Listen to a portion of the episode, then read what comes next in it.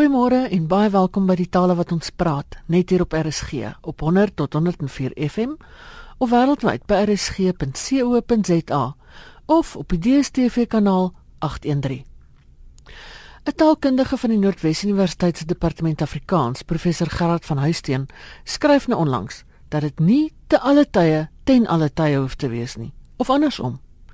Ek het hom gevra presies wat dit is wat hy bedoel om dit te verstaan moet ons eers 'n paar moet ons eintlik eers 'n grammatika les hê.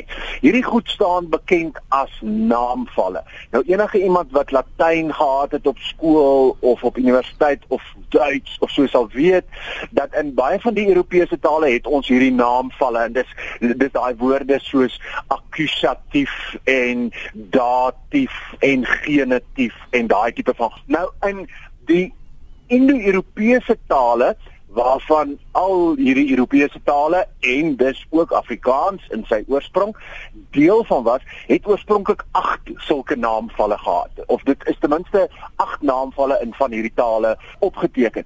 In Latyn het uiteindelik 6 oorgebly, in Duits het uiteindelik net 4 oorgebly.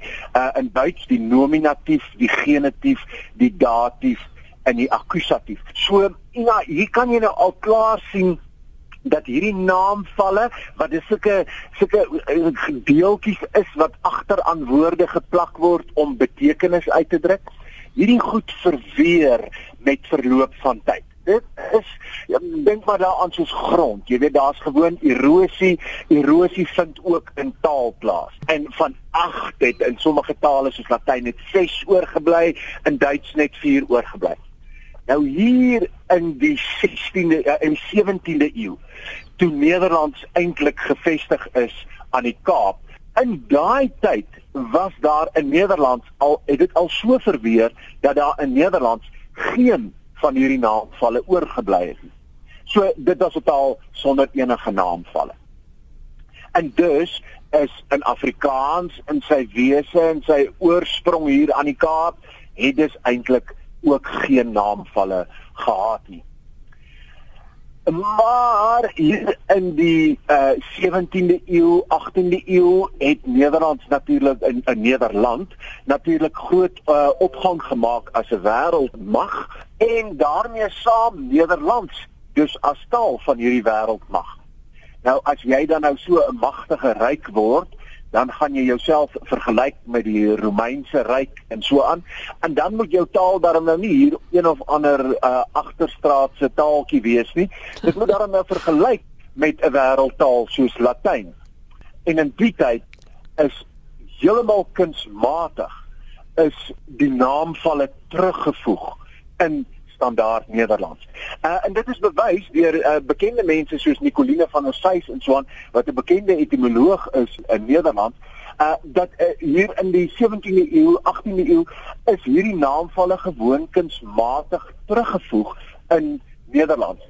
En daarom is dit toe ook in daardie tyd is dit bygevoeg sodat dit baie soos Duits lyk wat eintlik heeltemal onnatuurlik was vir die Nederlands van die tyd in in Ina dis uiteindelik hoe dit dan ook by ons deur die paadjie van standaard Nederlands en die invloed wat standaard Nederlands later hier in Suid-Afrika gehad het en op Afrikaans gehad het is hoe hierdie goed uiteindelik dus by ons tereggekom het.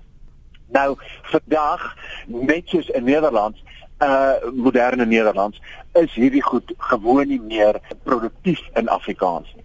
Met ander woorde uitdrukkings soos te alle tye is iets wat gebruikers van Afrikaans gewoon uit ons koppe uitleer. Jy weet, uh soos wat jy maar moet leer dat papegaai moet 1 p gespel moet word en nie met 2 p's soos papa nie. Ehm um, is dit maar gewoon iets wat jy uit jou kop uit moet leer en en dit is gewoon deel van die taal. Dis een van die lekkerhede van die taal. Dis daai goed wat die taal 'n bietjie speserye gee. Dis die kruie en speserye van die taal. Amper soos 'n taal gewoon mooi en helder maak. amper soos vaste uitdrukkings. Hierdie goed is dus in wese alles vaste uitdrukkings. Ons kan dit gewoon almal sien as vaste uitdrukkings, jy weet. En dit is goed dat ons alledaags gebruik wat ons dalk nie dink oor as vaste uitdrukkings nie. Dit iets soos uh ter wille van Ja. Daai wille Wat is daai LE wat daar aan die einde kom? Maar ons gebruik almal elke dag terwille van en uh, as gevolg van en so aan. So dit is hierdie vaste uitdrukkings wat ons gewoon leer as gebruikers. En dit kom nie net in Afrikaans voor nie, in Nederlands, Duits, Engels, uh die meeste van die tale in die wêreld uh het sulke vaste uitdrukkings wat 'n mens mag gewoon uit jou kop uit. Nou verloor daai voorsetsel dalk sy sy letter te alle tye of ten alle tye. Wat een is dan nou reg? So oorspronklik, as jy nou wil teruggaan op mm, wat die geslag van tyd was en daar's ook 'n interessante ding want eers was tyd 'n vroulike woord en toe as gevolg van die metafoor van vadertyd het tyd toe 'n manlike vorm geword. So die woordjie tyd het ook nog so 'n verandering ondergaan in die volksmond. Maar as jy nou terugloop op die paadjies dan is grammatikaal korrek te alle tye. Maar dan begin dit nou as gevolg van ander woorde, sê net maar onder onder druk van iets soos ten gunste van. Uh onder uh, begin mense aan vir ouma as ek praat van ten gunste van, dan moet ook, ek ook praat van ten alle tye uh en dan begin mense praat van ten alle tye. En daarom sien ons dat byvoorbeeld te alle tye kom nog die meeste voor in Afrikaans maar ten alle tye kom al in omtrent 'n kwart van die gevalle kom dit voor. Want uh, Afrikaans gebruikers kan dit nie meer vir hulle self logies uitwerk nie. En dan begin jy werk met hierdie analogie van wat se ander goed klink so in die taal en dan begin dit so verander nou as jy pedanties daaroor wil wees en 100% korrek wil praat en so, dan is te alle tye die korrekte ene. Uh maar in die volksmond wat ons sien wat besig is om te gebeur, is dat ten alle tye ook uh gebruik word. Gaan ek nou vandag wakker lê daaroor?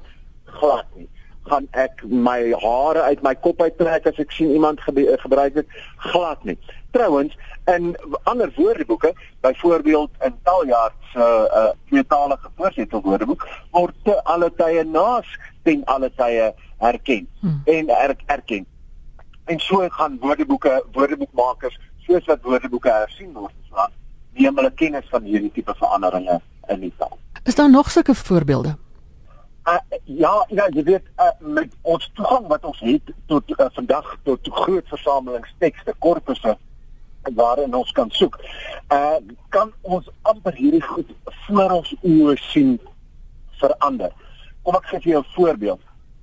In Afrikaans, as jy grammatikaal korrek wil wees en puntemerig wil wees, dan sê ons ek het iets lekkers vir aandete gehad. Jy moet daai s saam met iets in die byvoeglike naamwoord daarna moet jy s gebruik. Iets lekkers, iets warms gehad, uh het jy vir my iets kouds.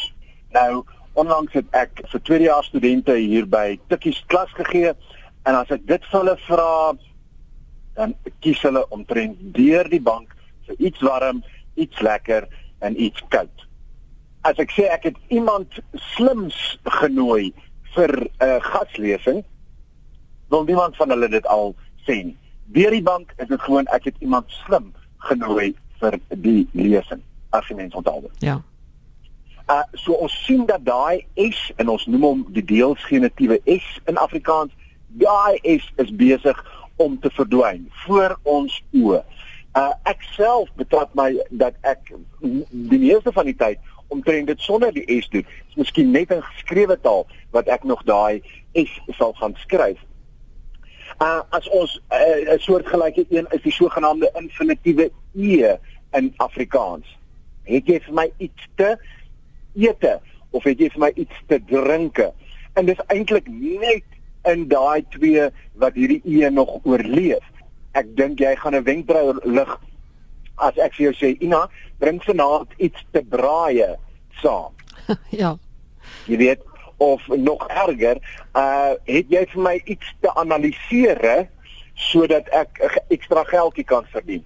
Uh dit gaan al heeltemal vreemd wees. Ja. Want daai e is ook gewoon besig om te verdwyn. Hoekom gebeur hierdie goed? Hoekom gaan letters weg? Verweer dit soos jy vroeër gesê het, wat is die rede daarvoor?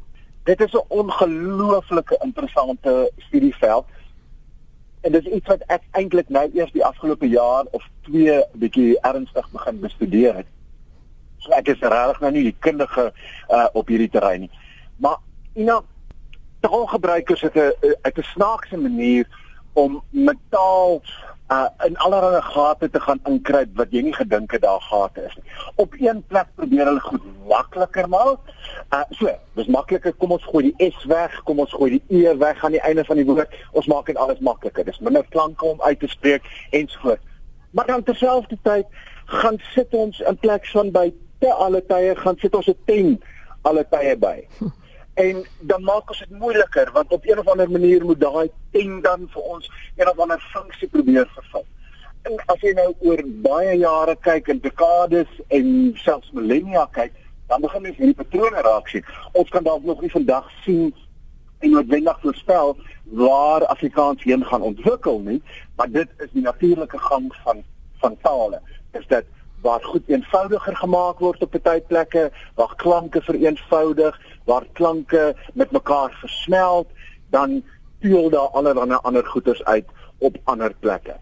Hm. Om vir jou 'n voorbeeld net nog te gee, in Duits byvoorbeeld is die naamvalle nog heeltemal aktief en so aan, maar in tale soos Afrikaans, Nederlands en Engels wat ons nie meer daai naamvalle het nie, moet ons nou alle kom, allerlei komplekse goed gaan doen met woordorde byvoorbeeld wat vir mense wat byvoorbeeld Duits praat en so wat, is dit nogal moeilik om soms Afrikaans aan te leer of selfs Nederlands want die woordorde in Afrikaans en Nederlands moet voorsiening maak vir hierdie subtiele uh betekenisuitdrukkings. So ons ons kry dan ander kompleksiteite om hierdie tipe van veranderinge uh, in hierdie betekenisnuances uit te druk.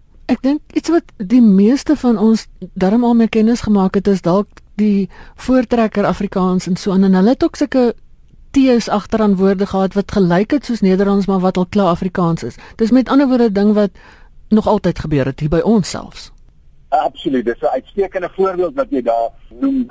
Ja, so dit is die daai T of D is die sogenaamde ag dit hang af van wat die een ons praat, maar ja. ons kry dit in deelwoorde het ons dit gekry. So uh, iets is verroest en dan as jy al met 'n T geëindig het en dit het ons in Afrikaans het ons heeltemal eintlik uh verloor. Ons kry dit nog by 'n klompie woorde wat eindig op r en so aan, maar in beginsel het ons eintlik daai d of daai t wat aan die einde van woorde moes kom in uh in daai tyd het eintlik nou heeltemal verdwyn. Want dit is natuurlik gewoon makliker om uh te sê verroes, hy is verroes as wat ek nou moet sê hy is verroest. Ja. Selfs hier oor die radio gaan jy dalk moeilik hoor dat ek daar t aan die einde gesê het dit is gewoon 'n normale gang van sake dat sprekers op hierdie manier die taal probeer makliker maak. In 'n voorbeeld soos ten tye of ten tyde, daai d in die middel, is hy deel van dieselfde soort patroon? So in Afrikaans het ons 'n klomp van hierdie uh intervokaliese g en die intervokaliese d wat byvoorbeeld ver, ver, verdwyn het. Uh so in in Nederlands is dit tyden en Afrikaans is dit net tye. Ehm um, in Nederland is dit vroeger in uh, Afrikaans is dit vroeër. Jy weet uh, ons uh, klomp is maar lui gewees hier onder in die Kaap. So uh dis makliker om nie daai G en daai D uit te spreek nie. Uh so klomp van hierdie goed het verdwyn. 'n Klomp klanke aan die begin het uh verdwyn. 'n uh, Klomp klanke aan die einde. Ons het nou gepraat met van die T en die D's aan die einde uh, jy weet uh, mense dan nog by van die ouer mense wat jy nog hoor of in, in sommige uh, streeksdialekte dat mense praat van 'n laakkind of dat mense praat van 'n reënt. Ja. Ehm um, en en en daai is eintlik goed wat uh, in Afrikaans ehm um, gewoon verdwyn het. In in in die brede in Afrikaans, wel ek soos ek sê jy weet, ons kry dit nog in sommige van die dialekte. Dit was die taalkundige van die Noordwes Universiteit, professor Gerard van Huisteen. So rukkie terug het ek 'n e-pos van 'n luisteraar gekry, Nico Henning van Gramstad, en hy vertel 'n interessante storie. Hy sê hy het op die webuitgawe van die Brisbane Times gelees dat daar 10 internasionale woorde is waarvoor daar nie 'n ekwivalent in Engels is nie en dat die skrywer van die artikel meen dit behoort in Engels opgeneem te word vanweë die trefkrag. Nou Nico vertel hoe verbaas hy was om ook 'n Afrikaanse woord op die lys te vind. Die woord is padkos. Dankie Nico vir 'n heerlike brokkie.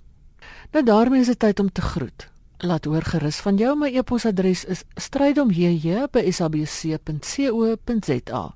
As jy weer na die program wil luister, kan jy donderdagoggend 3uur in deurnag na die herhaling luister. Of jy kan die potgooi aflaai van die of vorige programme by rsg.co.za. Bly ingeskakel op RSG, daar's nog talle heerlike programme om na uit te sien vir die res van die dag. Ek groet vandag met 'n stukkie musiek. Stef Bos en Amanda Strydom sing Die taal van my hart. Van my Ina Strydom groete tot 'n volgende keer.